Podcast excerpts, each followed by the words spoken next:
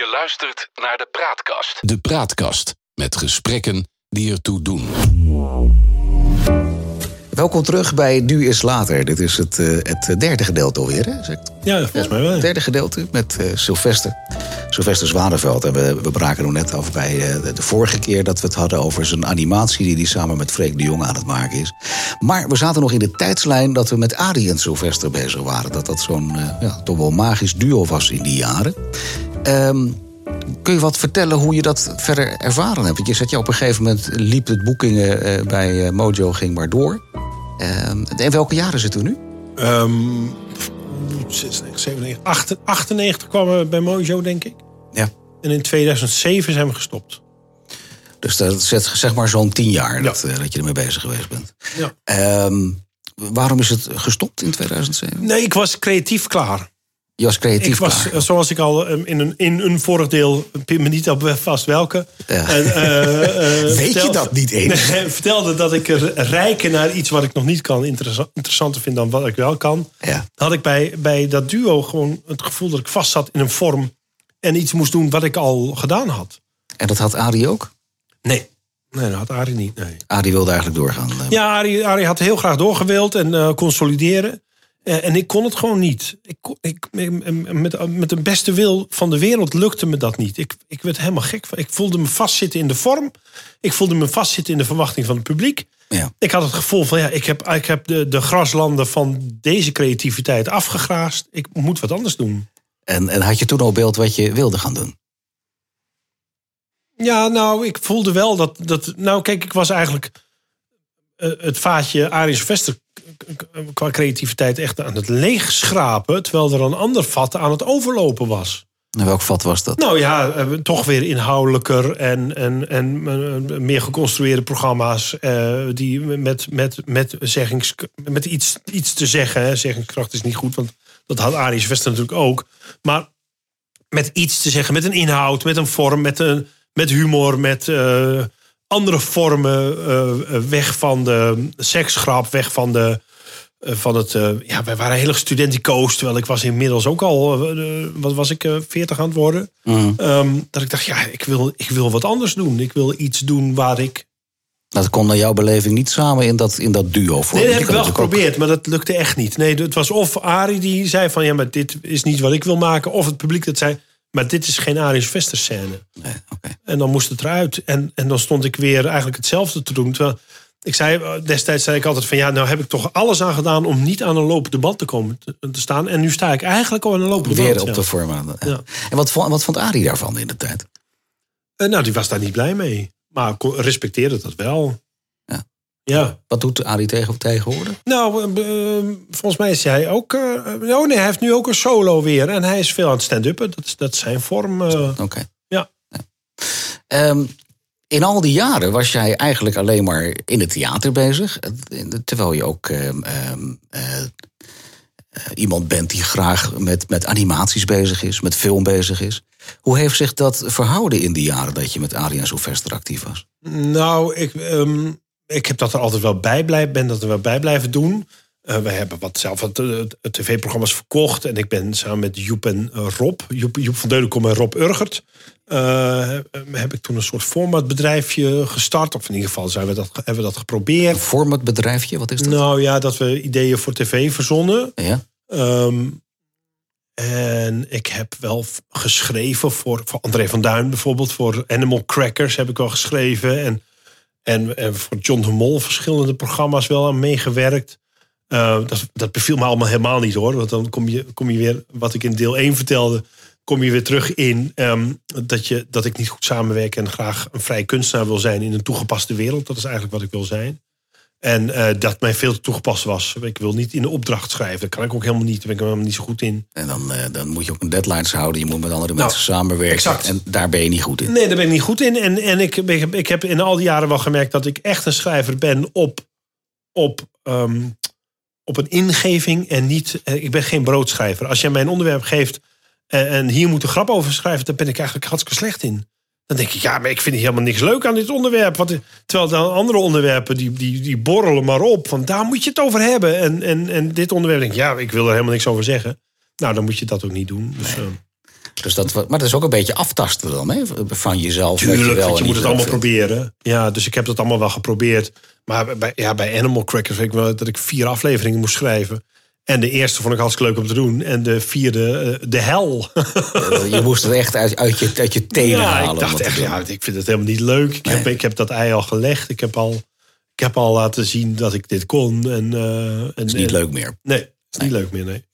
Er kwam een einde aan Arie en Sylvester. En ik mag ook aannemen dat je, dat je inkomenstechnisch een beetje moest gaan uitkijken. Van waar leef ik van? Ja, dat had, dat had ik moeten doen, ja. Maar dat was ook niet. Wat, is er gebeurd dan? Nou, nee, nee, nee. Nou, kijk, wij zijn op de allerslechtste moment zijn wij gestopt. Als Waarom? je als, je als, als duo stopt, dat wist ik al, want Lebbes en Jansen waren daarvoor gestopt en de Vliegende Panthers waren daarvoor gestopt. Dan val je van carré terug naar 100 man zaaltjes. Ja. Ehm, dus dat, daar had ik me op voorbereid. Alleen kwam toen ook de kredietcrisis erbij en viel, viel eh, eh, eh, theater ga- ga- gaan ook een beetje stil. En toen hield ik nog veel minder over. Als En Arie ook hoor, wij, Ja. wij allemaal hiel- hielden heel weinig over. Maar dat, dat was een moeilijke periode om opnieuw op te starten. Ja. Ehm, waar het niet dat ik nooit dit vak gekozen heb voor geld. Dus, dus, dus dat is dan een, Nee, maar ik kan me wel voorstellen, want je had toen tien jaar Arie en Sylvester achter je kiezen, waar, Ja. waar je een bepaalde opbouw in had.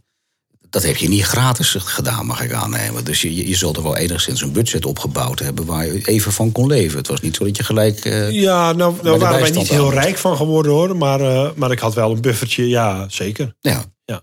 Hoe lang kon je het daarvan volhouden? Want je, je, je moest wat. Nou, ik denk dat als ik, dat als ik niks had gedaan, dat ik daar misschien een jaar van had kunnen leven. Maar, eh, maar aanvullend hebben we daar tien jaar van geleefd, ja. Ja.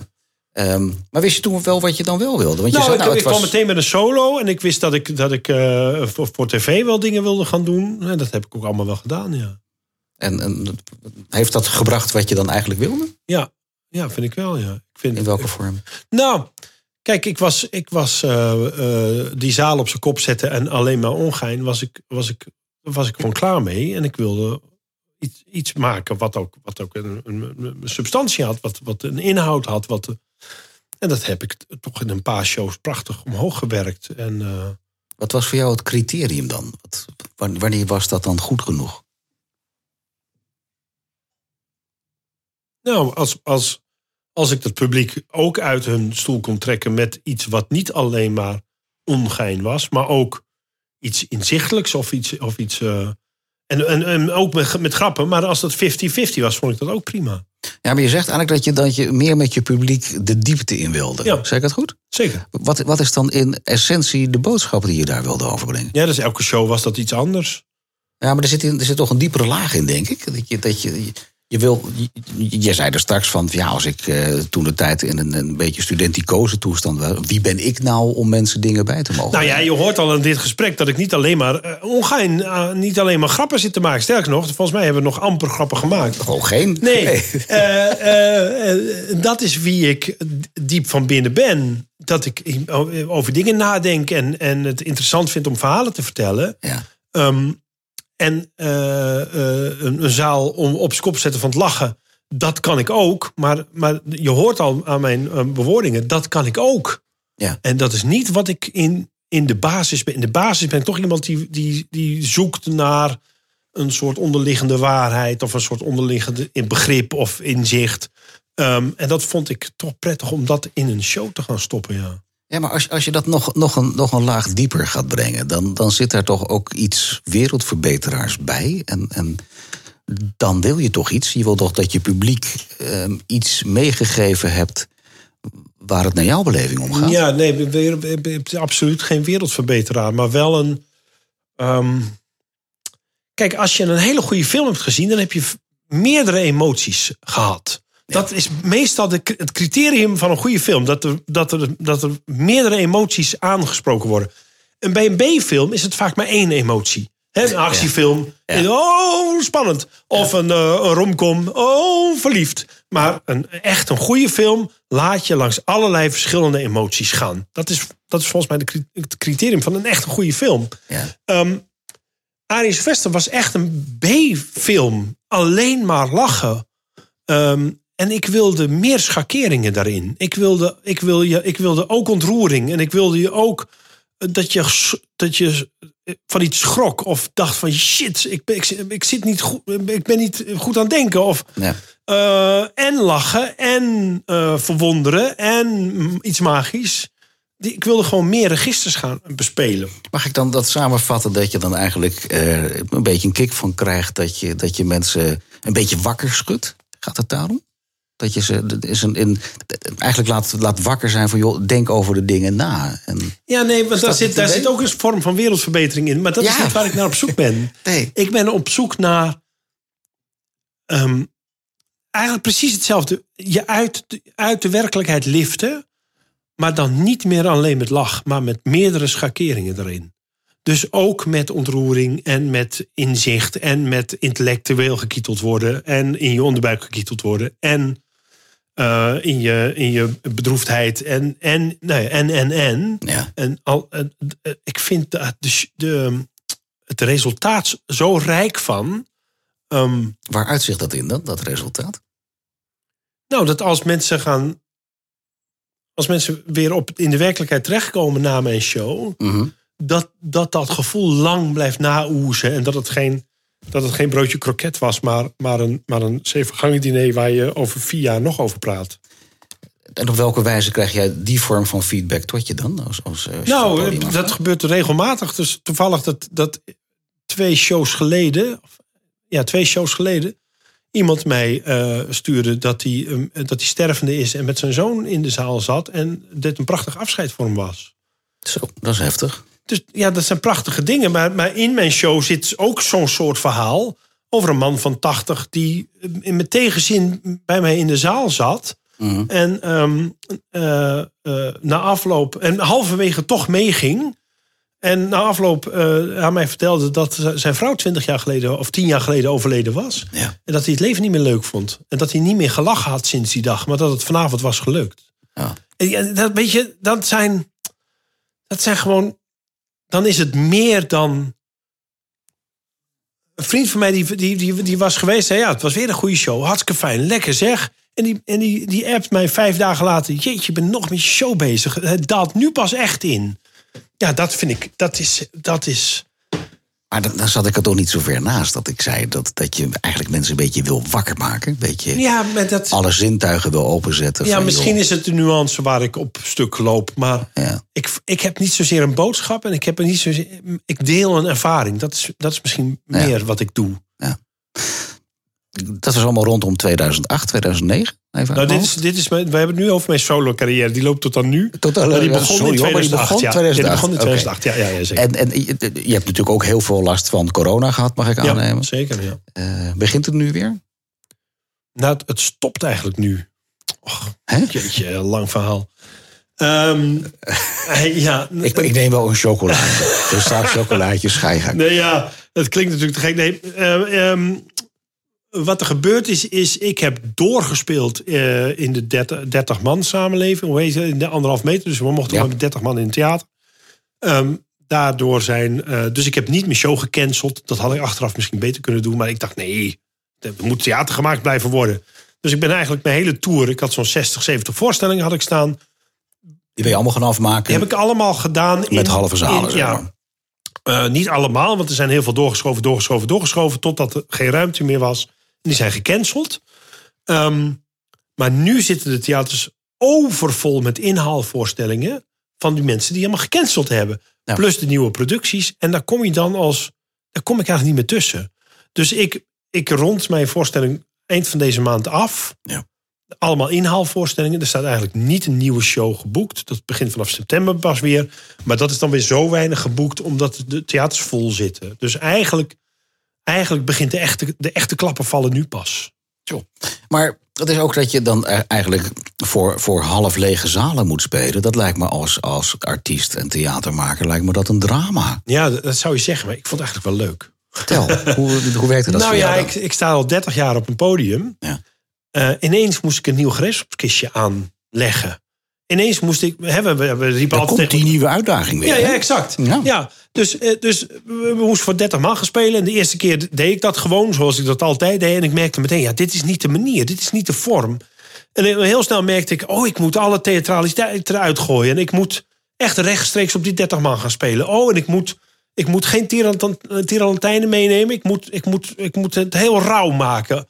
Oh, ik ga mensen gewoon binnen laten zelf. Oh, ik ga rechtstreeks aanspreken. Oh, voor de voorstelling.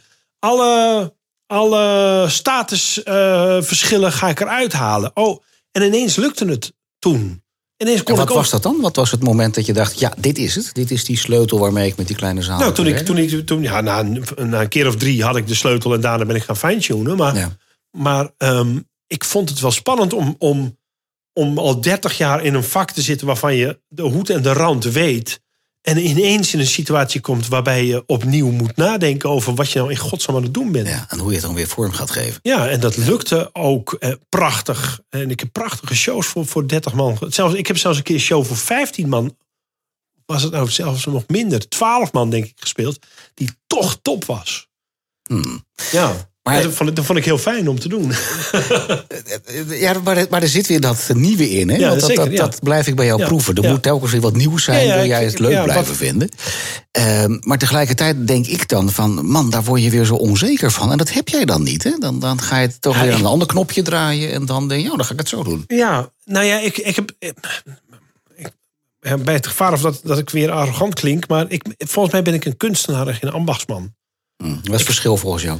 Nou, een ambachtsman, als hij een stoel gaat maken, dan weet hij, nou, ik heb dat hout nodig. Ik, moet, ik, ik ben ongeveer zo lang bezig. Ik moet die en die en die technieken aanwenden. En dan heb ik een stoel. Ja. Ehm, eh, eh, terwijl, ik- terwijl ik wil gewoon een, een blok hout ergens neerkwakken en kijken wat daarvan komt. En wat gebeurt er dan? En dat, dan gaan we improviseren van hoe gaat Nou, ja, dan ga je, dan ga je dus, dus met, met alle technieken die je in huis hebt, niet alleen die voor een stoel, maar met alle technieken die je in huis hebt, ga je het mooiste proberen te maken van wat er van dat stuk hout gemaakt kan worden. Speel je ook op die manier met jouw zaal? Dat, dat elke voorstelling toch, toch eigenlijk heel erg anders weer is? Ehm, nou, dat- ja, nou ja, eigenlijk wel. Dus ik leer mijn teksten nooit uit mijn hoofd. Mm. Ik leer alleen de stationnetjes waar ik langs wil, inhoudelijk. En ik, ik probeer elke voorstelling ehm, te praten alsof ik met iemand, met iemand in de kroeg praat die ik niet ken, maar die ik wel een leuke avond moet bezorgen. Mhm. En, en de ene keer klikt dat meteen en de andere keer duurt het een kwartier, maar uiteindelijk lukt het altijd. Maar dat is jouw geheim, zeg maar, hoe jij dat doet. Nou ja, daardoor blijft het. Kan ik eruit en erin en mee en voelen wat er, wat er nodig is. Ja. Maar dat zou theoretisch dus kunnen betekenen dat ik, dat ik op, op ehm, 1 juli ergens zit in jouw zaal. En ik ga zes weken later dat ik dezelfde voorstelling zie die toch voor 20, 30 procent anders is. Nou, ik heb wel mensen meegemaakt die zeiden: Goh, ik ben in de eerste try-out geweest en de laatste show. Dat, die hadden niets met elkaar te maken. Oké. Ik ben, er wel, ik ben inmiddels wel wat, wat strakker geworden, omdat ik, omdat ik elk jaar een nieuwe show ben gaan maken. Ja. Ehm, eh, en mensen dan toch het vervelend vinden als ze vier grappen uit de vorige show horen. Maar het liefst zou ik eigenlijk eh, zonder titel gaan toeren en gewoon elke twee jaar bij een theater langskomen met, met de show die ik op dat dan moment is. heb. Want hij is toch anders, ja.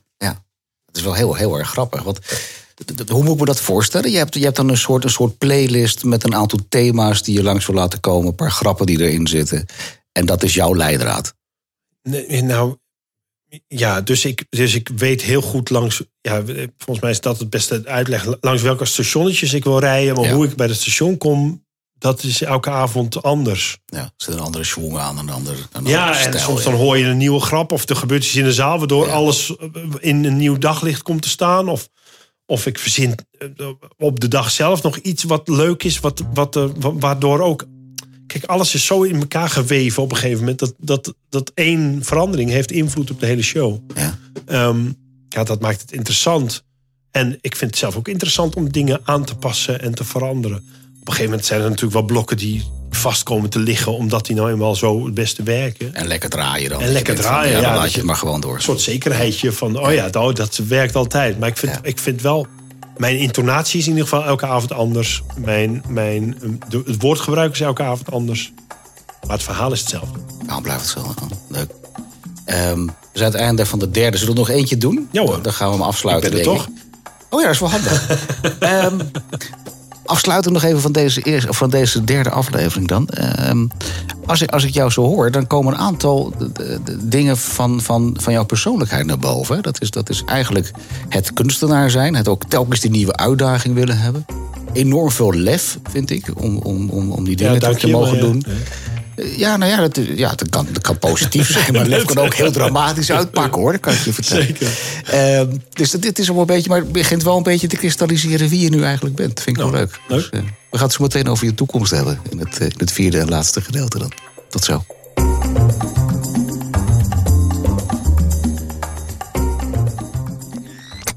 De Praatkast.